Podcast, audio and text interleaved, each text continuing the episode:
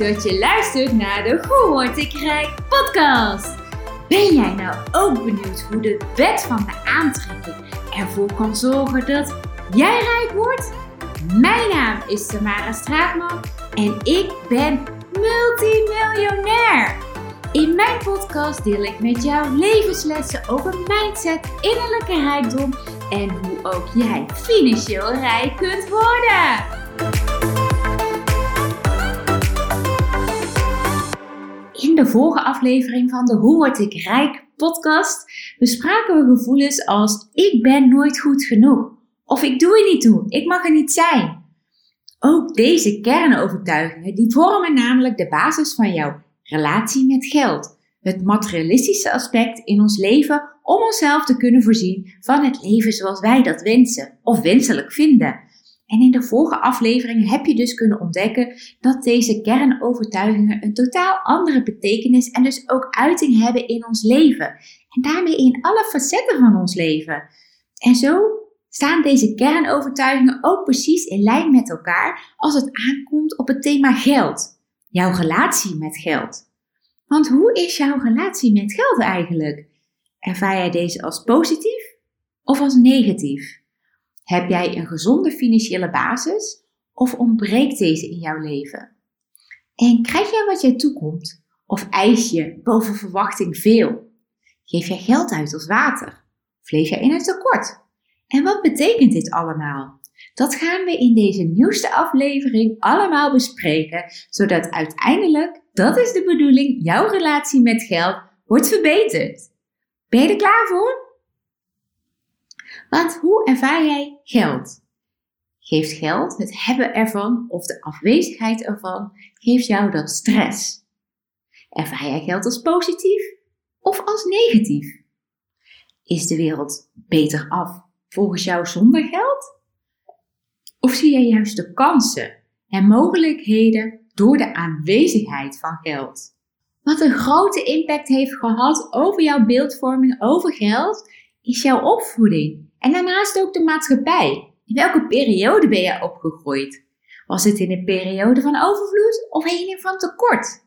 En hoe werd in die periode geld ingezet?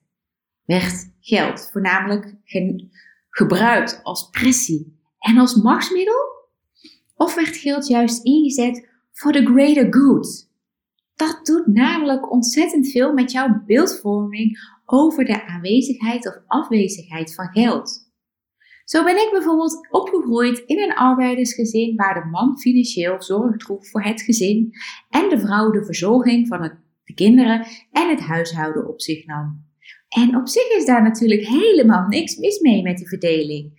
Alleen maakte mijn vader die maakte echt misbruik van zijn machtspositie en mijn moeder die bleef slachtoffer van haar afhankelijkheid. En ons, in ons gezin waren dan ook dagelijks vele ruzies, onder andere over geld. En hierdoor leerde ik een aantal belangrijke dingen. Ik ging nooit en te never financieel afhankelijk zijn van een man. Die macht zou hij over mij en mijn kinderen never nooit krijgen. En die houding die zorgde ervoor dat ik altijd financieel zelfstandig was en ben gebleven. Tegelijkertijd zorgden de vele ruzies over geld en het verwijt te horen van mijn moeder richting mijn vader dat de ellende is begonnen sinds ik geboren ben, dat dat een enorme impact op mij had. Want ruzies wilde ik kosten wat kost voorkomen, want het lag tenslotte altijd aan mij. En dat zinnetje is echt een hele diepe kras op mijn persoonlijkheid geweest. Jarenlang. Totdat ik hier op een gegeven moment andere emoties en gevoelens bij kon voelen. En als het dan op aankwam geld vragen bij een ander, of om een loonsverhoging vragen als ik hier recht op had, dan ging dat met vroeger heel erg veel innerlijke strijd en zenuwen. En dat is best lastig als je zelfstandige bent zoals ik en je prijzen hebt bepalen. Of standvastig te blijven wanneer mensen je willen afdoen wanneer ze willen uh, afdingen. En zo heb jij vast ook jouw ervaringen en overtuigingen opgedaan in relatie tot geld. Maar het kan dus ook zijn dat je het breder trekt. Ik zag namelijk altijd de negatieve invloeden van geld op onze samenleving. Een gevolg van het machtsmisbruik van mijn vader. maar wat ik op jonge leeftijd misschien het verband nog niet kon vatten. En nu is mijn beeldvorming met geld veel anders. Nu denk ik juist, hoe mooi is het dat je met geld impact kunt maken, ook als consument. En geld is een middel om een andere wereld te creëren. Waar ik vroeger het liefst mijn geld uitgaf, want erom vragen deed ik liever niet, is mijn geven en ontvangen veel meer in balans gekomen. Want ik durf nu te gaan staan voor mijn producten en diensten. Ik weet wat het waard is. Ik voel me niet langer persoonlijk benaderd of afgetroggeld wanneer mensen hun eigen dynamieken over hun eigen beeldvorming over geld, als ze daarin mij gaan bespelen. Want mijn gedachten en houding is hierin dus essentieel veranderd. En ook geloof ik niet in tekort. Als je wilt werken, kun je werken. Punt. Geld is altijd te verdienen. Ook kun je natuurlijk kijken naar je uitgavenpatroon. Leef jij boven je stand? Geef jij liever geld uit aan luxe producten, maar kom je maandelijks altijd tekort? Kortom, hoe stel jij jouw prioriteiten? Hoe stel jij jouw grenzen? Wat komt er binnen en wat geef jij uit? En waaraan geef jij het uit? Zijn het noodzakelijke kosten of onnoodzakelijke kosten? Of zijn er alternatieven? En hoe identificeer jij jezelf met geld? Want sommige mensen die ontlenen namelijk hun identiteit en geld aan het materialisme. En dat zullen veelal de mensen zijn die zich herkennen in het gevoel van tekort, het nooit genoeg zijn. Ze, voelen deze, ze vullen deze gevoelens met spullen en dus met geld. Ze willen bewondering en erkenning krijgen, dus hoog op de sociale maatschappelijke ladder staan. Ze willen aanzien. En zeg nou zelf, hoe ziet jouw Instagram-account er eigenlijk uit? Of andere social media kanalen? Laat jij het perfecte plaatje graag zien? Wil jij de nieuwste gadgets? Ben jij van de high-end merken? Hoe luxe is jouw leventje? Of hoe luxe zou je hem willen invullen? Wat is jouw emotionele waarde van spullen en geld voor jou? En hoe identificeer jij jezelf daarmee? En het kan dus ook zijn dat je jezelf meer in de dynamiek bevindt van bestaansrecht, het gevoel er niet te mogen zijn of ertoe te doen. Dan is een gevoel van liefde en saamhorigheid, net zoals voor mij, waarschijnlijk ook voor jou, een stuk belangrijker dan bewondering en erkenning te krijgen. Dus geld en het hebben van spullen zal je minder kunnen boeien. De relaties om je heen zijn belangrijker, maar ook daarin schuilt een groot gevaar. Want laat jij hierdoor jezelf te veel van jezelf profiteren om de ander te vriend te houden? Probeer jij hiermee iedereen tevreden te stellen? Dan is de kans namelijk groot dat de balans van geven en nemen gigantisch uit elkaar wordt gedreven. Je geeft te veel en je cijfert jezelf compleet weg. En dat is ook ongezond om een goede relatie met geld op te bouwen. Want jij, niet, jij bent niet verantwoordelijk voor een ander zijn gemoedstoestand of zijn of haar financiën. En natuurlijk kan het soms goed voelen om een ander die het moeilijk heeft, om die bij te staan. Maar goed is goed. Overkill is nooit goed. Je gaat namelijk scheve verwachtingen en verhoudingen creëren. Misschien zelfs wel onafhankelijk bij de ander kweken. Iets waar je niet verantwoordelijk voor bent, maar wel hebt laten gebeuren. En op het moment dat je de balans terug gaat schuiven, geeft dat geheid gedonder. Want die ander, die vond de veiligheid, de bewondering en de erkenning die jij ze wel gaf, dat vonden ze heel erg prettig. En snap je nu hoe deze twee dynamieken heel met elkaar verweven zijn, maar ook totaal tegenover elkaar staan? Ze passen namelijk moeiteloos in elkaar als één grote puzzel. Maar wee, als iemand een blokje gaat verschuiven, dan valt deze gehele kaartenhuis uiteen. En daarom is het dus ook het slimste om volledig op jezelf te focussen.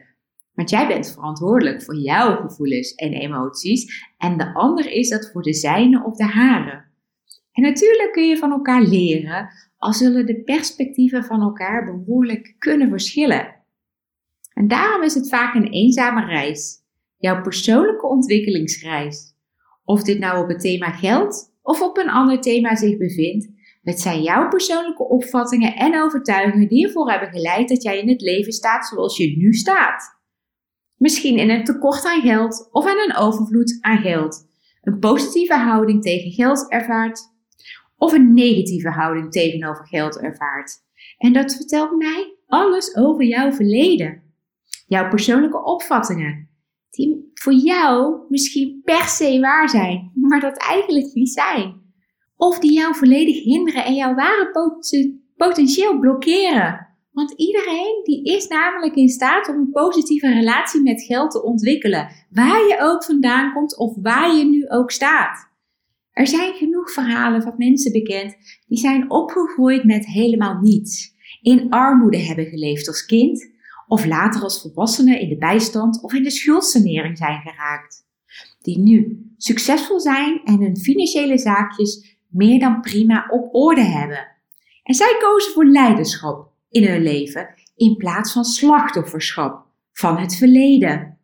Zij kozen ervoor om hun diepste overtuigingen te resetten, zichzelf een andere mindset aan te meten.